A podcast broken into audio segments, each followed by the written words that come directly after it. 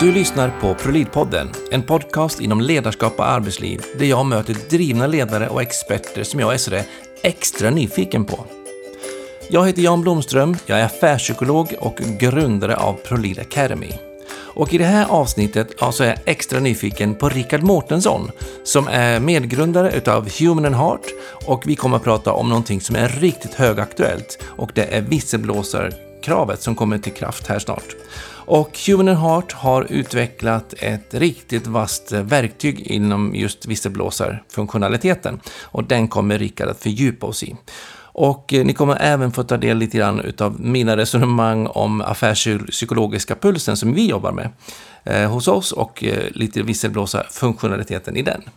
Ja, det ska bli spännande att se vad ni gillar utav resonemanget här. Men, och innan vi kommer vidare så kan jag bara berätta att ProLid-podden är en del av ProLid Academys verksamhet. Så besök gärna prolid.se för att ta del av vad just mer Prolid kan göra för ert ledarskap och arbetsliv. När det gäller kurser, tjänster, pulser, böcker och webbinar och annat roligt och gott och smått och gott.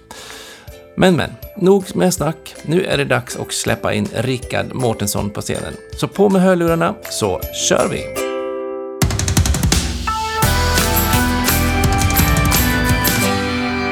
Hjärtligt välkommen till Prolidpodden säger jag till Rickard Mårtensson. Tack så jättemycket Jan. Och för er som lyssnar, ja, den där rösten har vi faktiskt hört förut kanske. Det är en stående inventarium i podden känns det som nu för tiden, Rickard. Jättekul att du är här igen. Och jättekul att vara här. Ja, vi har ju både haft, haft våra samtal tidigare, eh, lite grann, eh, och du har också varit med och varit programledare i min lilla podd här när vi varit på HR-dagarna. Ja, precis. Det var, det var, vad är det, det är två år sedan. Ja, inte något sånt. Ja, spännande. Innan, innan pandemin, det känns som det ska vara tusen Precis. år sedan. ja. Eh, och Rickard Mårtensson, du är då medgrundare utav Human and Heart. Mm. Som skapar mänskligare arbetsliv. Mm. Och Väx säkrare. Och säkrare. Mm. Ni växer så knakar för egen, er del som bolag. Jättekul att följa era resor. Det gör vi. Det går fort nu. Ja. Och eh, ni eh, inte bara växer i storlek, ni växer också i rättssäkerhet. Så du har skrivit ja. en bok som heter RUM. Vad är det förkortning för? Ja, det, den är egentligen, det vi kan säga att jag och Cecilia Malm som advokat har skrivit en bok som heter Kränkande särbehandling, rättssäker utredningsmetodik för arbetslivet. Men sen har vi utvecklat en egen metodik som heter Rättssäker utredningsmetodik för arbetslivet som är varumärkesskyddad och som egentligen syftar till att kunna säkerställa att alla involverade parter, både den som anmäler den som pekar ut, eh, som blir utpekad, eh, mm. får en, en fair trial, alltså det blir, att det blir en, en, en, eh, en schysst process och rättssäker hantering av ärendena. Mm. och den har ju, RUM är ju nu också publicerad i Myndigheten för arbetsmiljökunskaps riktlinjer för hur man bör hantera sociala hälsorisker då, ja. i arbetslivet. Så det är också roligt, jag börjar få lite genomslag den här metodiken. Jättekul. Och RUM är ju då förkortningen på metodiken, inte på boken. Nej, på metodiken. Boken är, heter Kränkande särbehandling. Ja, in och läs den om inte ni har gjort det, säger jag till alla. ja, eh, det var min inväg. Jag gick rätt på, på rummet. Men, det var yes. men det där ligger ju då lite grann, tänker jag, som en grund för eh, för liksom ett nästa steg. Mm. Eh, och jag gillar, jag själv har skrivit några böcker och det är ett otroligt jobb för det första. Mm. Det vet alla ni som har skrivit böcker. Eh, men det är också ett så jäkla skönt sätt att paketera vad man har i huvudet. Mm, så är det. Och då ligger ju den paketeringen, tänker jag, som en eh, bra grund in i nästa projekt som man går in i. Och ni har ju ett spännande projekt som ni har släppt som ligger i linje med nya visselblåsarlagen. Mm. Kan inte du berätta vad ni har gjort? Jo, alltså jag, jag, så jag, jag, ska gå tillbaka till tio år i tiden. Mm. Eh, jag var ju med som en av de första att implementera ett visselblåsarsystem i, och då var det Falu kommun mm. tillsammans med eh, en annan jurist där, kom, Tobias Karlgren. Han och jag jobbade med att vi fick uppdraget att göra en utredning. Och det fanns i princip inga visselblåsartjänster i Sverige då. Mm. Eh, så vi läste på väldigt mycket och vi var med och implementerade den här tjänsten. Och efter det här så har ju, ja, jag varit ganska tveksam till vissa tjänster, eller väldigt tveksam. Mm. Och inte minst mot bakgrund av att det är så lätt att man utnyttjar de här i fel syften att man falskt anmäler någon. Vi kan ju se i våra utredningar att ungefär 15 procent av alla utredningar så måste man väcka frågan om en anmälan som görs mot någon är gjord i ond tro. 15 procent? 15 procent, ja. ja. Så det är ganska många ändå. Ja, det är en hög siffra. Det, ja. det ser man och då blir eh, anklagad. Och, och, I den offentliga sektorn exempelvis, då, då, spelar det nästan ingen roll vad en utredning kommer fram till. För blotta misstanken i de här delarna och det hamnar samtidigt i media eller medialt gör att det blir väldigt svårt att komma tillbaka. Det är ett ganska effektivt sätt att göra sig av med någon, att anmäla någon i en visselblåsartjänst. Ja. Eh, och eh, kan man då göra det anonymt så, så är ju risken för att bli påkommen för att göra den här typen av tjänster väldigt liten. Då. Ja, och ändå sätter man bollen i rullning. Liksom. Ja, då sätter man en väldigt farlig boll i rullning. Och det, det, det, har vi sett många gånger i, i svenskt arbetsliv att det också sker. Mm. Eh, men i vilket fall så EU beslutade för det kom ett nytt EU-direktiv och det ska implementeras i svensk rätt den 17 december senaste år. Mm. Eh, och det handlar om egentligen att man ska ge ett, ett utökat skydd för människor som anmäler saker. Man, man ska vara, bland annat ha rätt att vara anonym vid rapporteringstillfället. Man ska vara, vara, ha starkt repressalieskydd och så vidare. Ja, men ganska, väldigt höga krav. Och en arbetsgivare ska också inrätta rutiner om man har mer än 50 anställda för hur man tar emot den här typen av ärenden. Mm. Men den här lagstiftningen eh, var på gång och man, eh, det var remiss, man kunde lämna remiss förra året. Och då skrev faktiskt jag och ett par kollegor eh, ett eget litet remissvar. Det, det betyder ju ingenting såklart, men vi, vi gjorde det i vilket fall, för vi var kritiska mot mycket i den här lagen och inte minst den här anonymiteten. Ja. Eh, och det har vi givetvis ingenting för att skriva sånt remissvar, men det var lite roligt. Mm. Eh, men det vi beslutade oss för istället var, men vad tusan, vi måste väl inrätta en, en, en, eller komma med en idé på hur man kan göra den här typen av situation rättssäker så att det goda syftet med visselblåsartjänster eh, också kommer fram. Det vill säga, för det är klart att i grunden så är det här något som är positivt, att man ska känna sig trygg i att, att kunna påtala missförhållanden i en organisation. Ja. Så vi hade för man vill ju egentligen ta bort missförhållandena. Det är ja, det man egentligen vill. Ja, det är det man vill och det är något väldigt positivt. Men det gäller ja. ju att man inte skapar nya missförhållanden med den här typen Nej, precis. Och, så vi hade tre stycken perspektiv i det här. Ett, vi skulle ha Europas mest rättssäkra rätts, eh, vad heter det, visselblåsartjänst. Mm. Så att vi vet att både den som anmäler den organisationen som har den som blir utpekad, får, att det blir rättssäkert för alla involverade parter. Och, och, det mm. upplever jag att vi inte haft innan i Sverige. Mm. Eh, det andra ska vara en, otroligt hög grad av informationssäkerhet. Det vill säga mm. att all data det, det sparas här i Sverige det finns, inte, det finns inga Microsoft-plattformar eller liknande så att det här Cloud Act skulle kunna bli aktuellt. Nej. Eh, alltså, eh, informationssäkerheten skulle vara väldigt hög. Och, och det tredje skulle vara en trygghet för man ska känna sig trygg att använda tjänsten. Mm. Så vi startat ett jätteprojekt och tillsammans med våra, med våra samarbetspartner Consid som är nordisk ledande IT-leverantör med eh, advokatfirman Glimstedt som vi haft jobbat med nära tidigare mm. och med eh, företagshälsovården Avonova. Eh, för att vi anser att normalt så kommer de här tjänsterna in via ekonomihållet. Ja. Jag tror att det här är trubbigt ofta. Det vill säga för att det blir problem med vissa tjänster kan det bero på att den typen av mottagare som finns, de kanske inte har kompetens att förstå människor. Nej. Eh, och man bygger inte upp de här tjänsterna så att det blir tryggt för människor. Och man utgår dessutom från att man alltid ska vara sann och man är inte alltid så, så duktig på att utreda rättssäkra delar. Revisorer är väldigt duktiga på att påtala tendenser. Det kan vara ett fel här. Det kan vara fel. Vi är jättebra på det.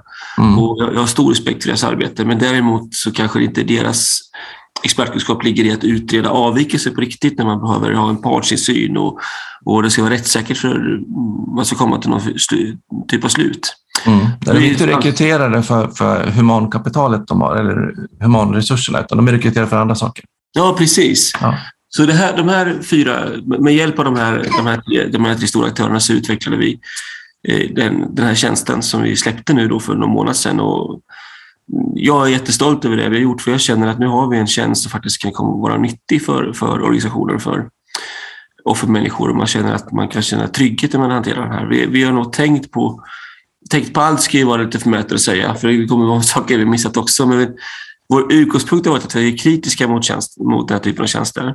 Mm. Och genom att ha den, den kritiska tänkandet så tror jag att man också bygger upp en mycket säkrare tjänst. Mm. Man, för man, kan, man ser från början att det finns risker. Eh, så man, som, både som organisation som beställer viss tjänst och som, som anmälande part och som utpekad part, då ska man känna sig trygg. Det här är en schysst tjänst mm. där man blir bra behandlad. Där fokus är på faktiskt också eh, förstärka arbetsmiljön. Det ska vara en del av det systematiska arbetsmiljöarbetet. Ja. Spännande. Eh, jag jobbar ju med en eh, affärspsykologisk puls i min verksamhet mm. som bygger på, på, på Weekly som, som teknisk plattform. Och de har ju också en liten så här speak up-funktion, kallar de det för. Där vi då liksom också kan jobba med visselblåsarfunktionaliteten. Det blir en, en helt anonymiserad blogg, som, eller logg som man kan liksom köra och, och chatta i. Och det blir liksom R-nummer och det liksom hanteras på det sättet i alla fall. Så den är ju en, en lätt tillgänglig variant mm. utav mm. det, men inte just påbyggt med, med alla de här utredarnivåerna efteråt. Nej, den får man liksom lägga på separat.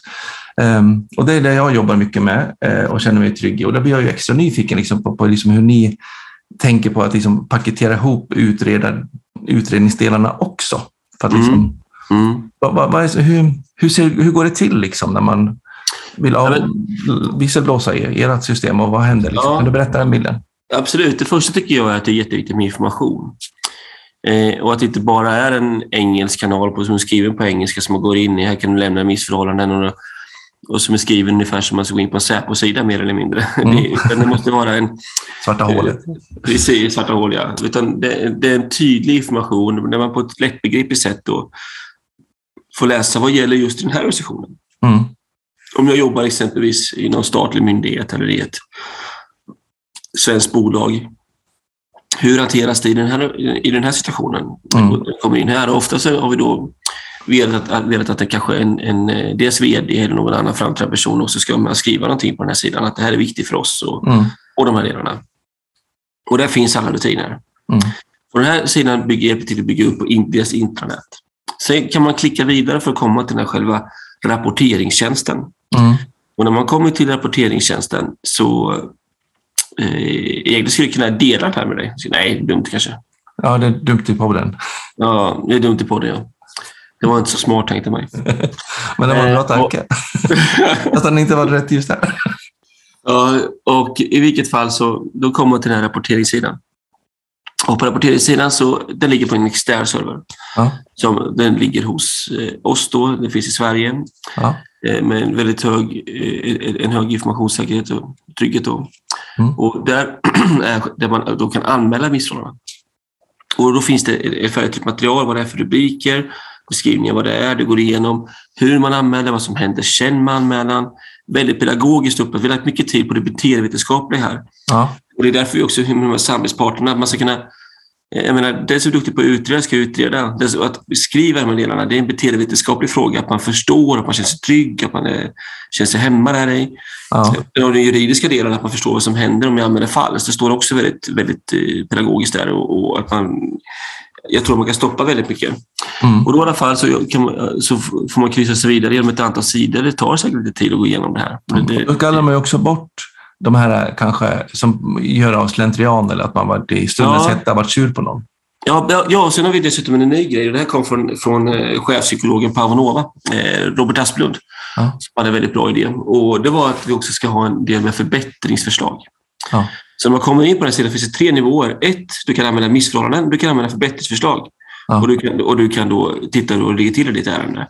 Mm. Och förbättringsförslaget tror jag har två syften. Det ena är det att man givetvis kanske har jättebra idéer man inte vågar kliva fram med. Då kan man lämna in dem. Men det kan också vara, tror jag, att en människa som är väldigt missnöjd för någonting, men som egentligen inte är ett missförhållande, Se att man, istället för att jag hittar på någonting i den här andra delen så kan jag faktiskt lämna förbättringsförslag. Ja. Och då får, jag, då får jag möjlighet att göra det. Jag kan säga att jag, jag, tycker inte det, jag tycker inte det är bra med det här lönesystemet eller vad det nu är för någonting. Och jag föreslår att vi har något nytt. Och då, det här tror jag också är ett sätt liksom att, att, att man också sorterar från början, att man inte eh, lägger in massor med skräp i de här, i, i de här systemen, utan att vi får in riktiga ärenden. Så ja. det, det, är uttänkt på det sättet. Ja. Nästa steg är då att man kommer in i att, man, att när man har gjort en anmälan och, och, man har rapporterat vad det nu är för någonting i den här delen, så då får man en kod. Och då får man välja själv, vill du vara anonym eller vill du inte vara anonym? Mm. Och om man är anonym, då finns det ingen möjlighet för oss att spåra den här personen. Men då kan man då då får man en särskild kod, den är väldigt, väldigt lång. Ja. Det är ingen bank-id för det kan spåras och så vidare. Ja. Och då kan man logga in och så kan den här utredaren på andra sidan, som för ärendet, när man ärendena lägger på andra sidan, när ärendet kommer in, då kan man kommunicera mellan varandra eh, ja. utan att man vet vem det är. Ja. Och då är ju tanken också att vi ska försöka hjälpa till att göra den här personen trygg, både kliva fram, berätta vem de är och, och lägga fokus på de sakerna så att vi kan få en rättssäker utredningsprocess. Mm. Eh, sen har vi också, om man köper hela tjänsten, då har vi olika typer av utredningsnivåer. Då har vi bland annat lagt upp det som en rättssäker metodik efter våra efter rum. Mm. Det innebär att då kan vi göra en förbedömning, en förutredning. Och det, ja, men det, men det betyder att, att man kan då först bara välja att ha själva rapportering. mer teknisk rapportering i ja. delarna. Ja, man kan välja så rapportering. Man, och då hanterar man, kan man rapportering och ärendehantering. Ja. Och man kan välja rapportering, ärendehantering och utredning. Ja. Bra. Eh, och, och när man tänker sig då med den här i, i, i, nästa del som jag tycker är väldigt positivt i, i, i vår tjänst, det är att vi det här är ju, är ju väldigt välbeprövade metoder som vi har och, och det tror jag liksom, det skiljer sig nog ganska mycket från om man tittar på det strikt alltså revisionsmässiga. Vi kommer mer från det legala hållet här. I. Mm. Och det, det är rättssäkerheten i fokus. Så det kan vi göra precis som inspirerat av egentligen en polisiär förundersökning att vi kan göra en förutredning som man ofta gör, eller förbedömning innan man inleder en förundersökning. Mm. Därför kan vi anta att det har skett ett brott här eller ett missförhållande så vi behöver inleda det här. Mm. Och då hör man ju inte den utpekade personen utan då tittar man på omständigheterna runt omkring. Och, och, för att höra den här personen, då måste det finnas skäl att anta att att den här personen begått ett brott eller begått ett missförhållande. Mm. Eh, och det innebär att om, det då är, om man då är bunden och beroende av att den, att den här personens vittnesmål är avgörande för att den här, man ska kunna höra den, gå vidare i utredningen. Mm. Då kommer vi inte göra det för att inte personen ställer upp, för då, då kommer vi ingenstans, för det, det, är lönlöst att komma vidare. Ja. Kan vi däremot hitta något annat, någon, någon faktura eller som stödjer det här, då kan vi komma vidare utan att vi har den personens eh, identitet eller något annat. Men inte på hörsägen liksom? Nej, precis. Utan Nej. Det här är ju ett sätt som jag tror man missar ibland, att man drar in massor med anonyma uppgifter eh, i, eh, som, som då istället misskrediterar och utsätter mm. personer. Och på det här sättet skapar vi trygghet för alla. Man kan vara anonym jämt om man vill det, men det innebär kanske att vi också inte kommer vidare fullt ut i utredningen jämt. Mm. Men det innebär också att vi når en rättssäkerhet för hela delen. Och är det så att vi kommer vidare till en fullskalig utredning, eh, ja, men då gör man en stor utredning. Eh, det behöver inte vara stor, men en utredning genom alla förhållanden. Och då har man då den möjligheten till den här anonyma dialogen? Absolut. Då, då, kan man ju också förklara det för den som har ja. larmat in. Så att man ja. säger, okej, okay, men då väljer jag att göra mig till känna. Tydliga. Ja, man, man, kan vara väldigt tydlig i det här och se vad, vad förklarar vi. Just, vi kommer inte vidare i den här situationen för att det här är en sån situation. Det är bara du som har sett det här. Ja. Någon gång nu är den här delen. Ja. Och vi kan inte konfrontera en person med, eh, på de uppgifterna om inte det finns något som backar upp mm. där exempelvis. Just den dialogen och förklaringen ja. och berättningen, den, den har jag i, i i, min chatt också. Liksom, och den är otrolig, även om inte är just i visselblåsardelen, men ändå. Att kunna förklara och berätta utan att veta vem de är. De vet vem jag är, men jag vet ja. inte vem de är. Och det är ju någonting som är otroligt effektfullt när det gäller att höja arbetsmiljön och skapa ja. trygghet ute arbetsplatserna. Och det är det verkligen.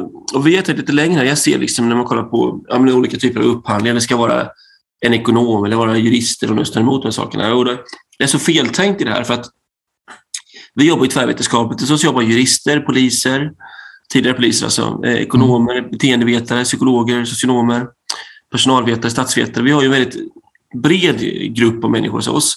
Ja. Och det beror ju på att man är bra på olika saker. Mm. I den här typen av, av diskussion med, med en anonym anmälare, då är den beteendevetenskapliga kompetensen eh, essentiell. Den måste finnas där. Ja. Det, är, det är den personen som faktiskt kan hjälpa till på, på, ett, på ett pedagogiskt sätt förklara vad som, vad som händer och också kan få en, ja, skapa trygghet i de här delarna. Så vi behöver ha tvärvetenskapen. Ja. Och, och, och, vi, vi har tänkt jättemycket på det att, vi, att det ska vara ett tvärvetenskapligt eh, samarbetsprojekt i de här delarna. Ja. Så, och det är så som Human Heart jobbar. Jag menar, vi är väl snart 20 personer och vi har ju de här kompetenserna som du sa. Det, det, det, är, och det gör också att det blir väldigt dynamiskt och, och vi utreder utifrån flera olika perspektiv och man, kan, man får en, mer, en, mer, en bättre helhetssyn tror jag. Ja, men verkligen. Och det som kanske då, om man för mycket beteendefokus, jag tänker mycket HR, Ja. Sorry, vi är jättebra på HR, men HR är också inte bra på vissa saker. Nej, HR är verkligen inte bra på vissa saker och det är det, det, är det som är också det är därför som vårt fokus säger att vi, vad är det som är eh, uppdraget? Ja. Och då sätter man ihop ett team för det. Ja. men vi kanske behöver en socionom, vi kanske behöver en jurist, vi kanske behöver en tidigare ja. polis, vi kanske behöver en statsvetare, vi kanske behöver en ekonom. Ja. Det, det, det beror på helt vad utredningsfrågan är och, och, och, vi skräddarsyr lösningen för den. Och det är viktigt för er som lyssnar också att, och jobbar med utredningar, att se till att inte bara vara beteendevetarna. För att vi, vi, jag är psykolog i botten själv eh, och vi har en förmåga att hamna i terapisituationer fast vi utreder, fast vi inte förstår det. Och där har vi verkligen som skrå, som yrkeskår, en, en begränsning. Eh, och antingen har vi verkligen jobbat med den och utmanat oss själva i det, eller annars så behöver vi verkligen se till att rekrytera eller ha med oss teamkollegor som, som står för andra saker. För att balansera upp det, tänker jag. Just jag håller med dig helt. Mm. Å andra sidan så är det likadant i det andra perspektivet då. Att vi, jag tycker ju även att orsaksanalysen är otroligt viktig. Mm. Och det jobbar vi med också i utredningarna. Vi säger att vi kan titta på, okej, okay, vi kommer fram till att här har det varit en stöld eller här har det varit en eh, finns det en, en, en misstanke om att någon har fått en otillbörlig förmån eller det här har det varit en kränkande särbehandling eller en trakassering eller vad det må vara för någonting. Mm. Men då löser vi frågeställningen A. Men den viktigaste frågeställningen här är ju B kanske. Men vad ska vi göra för att inte det här ska hända igen? Vad kan det här bero på? Ja. Och ofta så är det ju inte att det bara är individfaktorer, för någonting har ju möjliggjort det här. Då behöver vi ha den här, den här orsaksanalysen. Vad finns bakom det här? Och det, där får man också den här typen av utredning, vilket jag tycker är minst lika viktigt för att kunna jobba preventivt framöver. Mm. Och det blir också då man kan få en större förståelse för situationen som kunnat uppstå. Och det mm. tar inte ifrån en individ det individuella ansvaret, men det kan förklara eh, vad det är som har möjliggjort att det blir på det här sättet. Mm. Jätteviktigt. Och det här ligger ju också, vi har ju mycket av de här skyddsnätterna är ju för att se till att vi inte far så långt ner i, i vår ohälsa på arbetsplatserna. Alltså antingen människoohälsa eller förmånsohälsa eller lagliga utrymmesohälsa och så. Um, och det är ju bra, det fångar upp det, man larmar om det kommer under en viss miniminivå. Så illa får det liksom inte vara. Så orättvist får det inte vara så. Men vi har ju, samtidigt vill vi ju prestera bra på jobbet. Mm. Så att det här är ett kriterium nu då, som gäller från 50 personer uppåt. Mm. Och en direkt, liksom mycket med direkt närtid om man är över 250.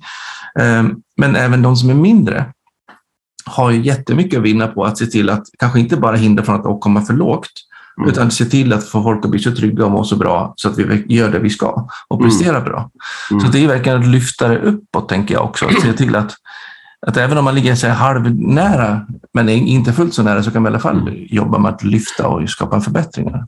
Och sen ser jag en jätterisk med de här systemen nu när man inför det. Alltså man måste tänka tillräckligt nu.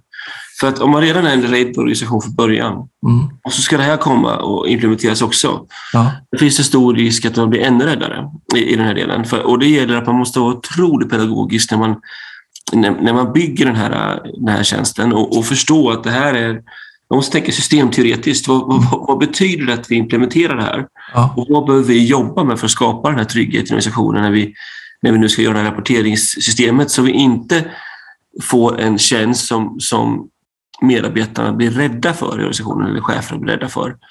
Och, och vi får inte glömma bort att det viktigaste av allt är att skapa den tryggheten så att jag som medarbetare faktiskt känner att jag i de allra, allra flesta fall kan gå till min chef och prata. Aha. Om det är något som jag tycker är fel eller inte var bra av. För det är även grunden med den här lagstiftningen. Säger man i första hand, det här, den här rapporteringsvägen ska ju användas när alla andra är uttömda. Mm. Eh, och, och den här, återigen kommer vi tillbaka till kärnan, alltså mötet mellan chefen och medarbetare som jag tycker är det allra, allra viktigaste. Mm. Att få den här tryggheten i organisationen. Och det tror jag är jätteviktigt att man förstår och därför får man inte se det här som ett ekonomiskt projekt exempelvis, utan man, som man skickar in en ekonom som ska göra på egen hand, utan man ska se det som ett tvärvetenskapligt projekt. Vi behöver säkert både ekonomer, jurister, eh, beteendevetare eh, och, och eh, all möjlig kompetens för att kunna göra det här på ett säkert och tryggt och bra sätt. Mm.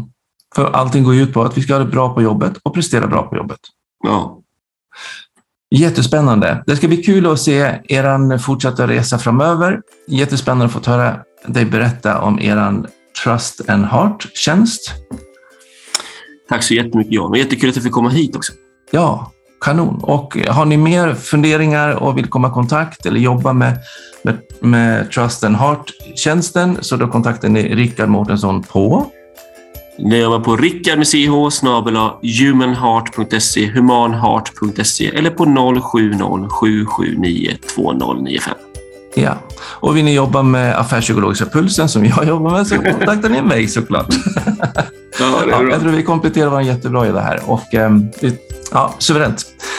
Tusen tack för att du kom. Ha en fin fortsatt dag. Detsamma. Kanon. Om du gillar avsnittet, ge då tummen upp och följ oss så blir vi jätteglada. Och passa även på att följa oss på LinkedIn, Instagram och Facebook. Både när det gäller ProLead och mig själv Jan Blomström, ja, så lär vi ju faktiskt känna varandra ännu lite bättre. Ta hand om dig så hörs vi vid vårt nästa avsnitt.